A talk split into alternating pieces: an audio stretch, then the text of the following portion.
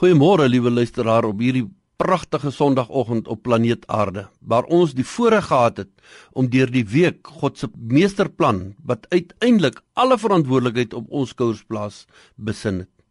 Kom ons sluit dan nou vir oggend af deur ons deelname aan God se meesterplan vas te maak. Wat is my verantwoordelikheid? Ek wil dit in die volgende 3 punte saamvat. 1.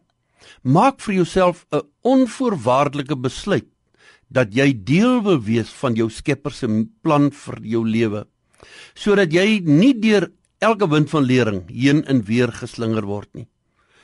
Besluit self, is ek deel van God se skepingsplan? 2. Maak seker dat jy uit God gebore kind van God is.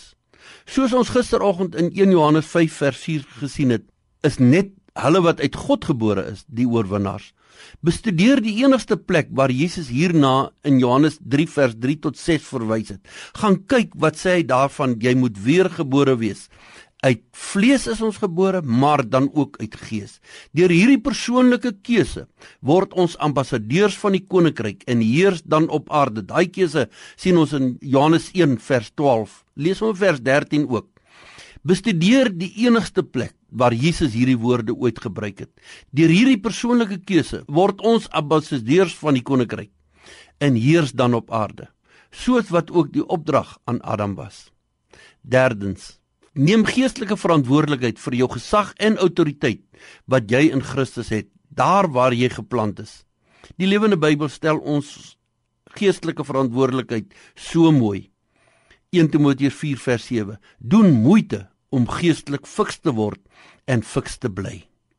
Liewe luisteraar, wat 'n voorreg om elke oggend hierdie week saam met jou te kon besin oor ons verantwoordelikheid om as ambassadeurs van God se koninkryk op aarde beheer te neem oor ons lewe daar waar ons is. Vader het aan ons alles gegee. Hy het ons sy seun gegee. Hy het ons sy woord gegee. Hy het sy Heilige Gees gegee en volle mandaat aan ons om heerskappy en krag in sy naam te demonstreer. Ons het werklik geen verskoning nie. Kom ons vra ons Vader persoonlik. Ons Vader, help my om die koninkryk in my vas te maak.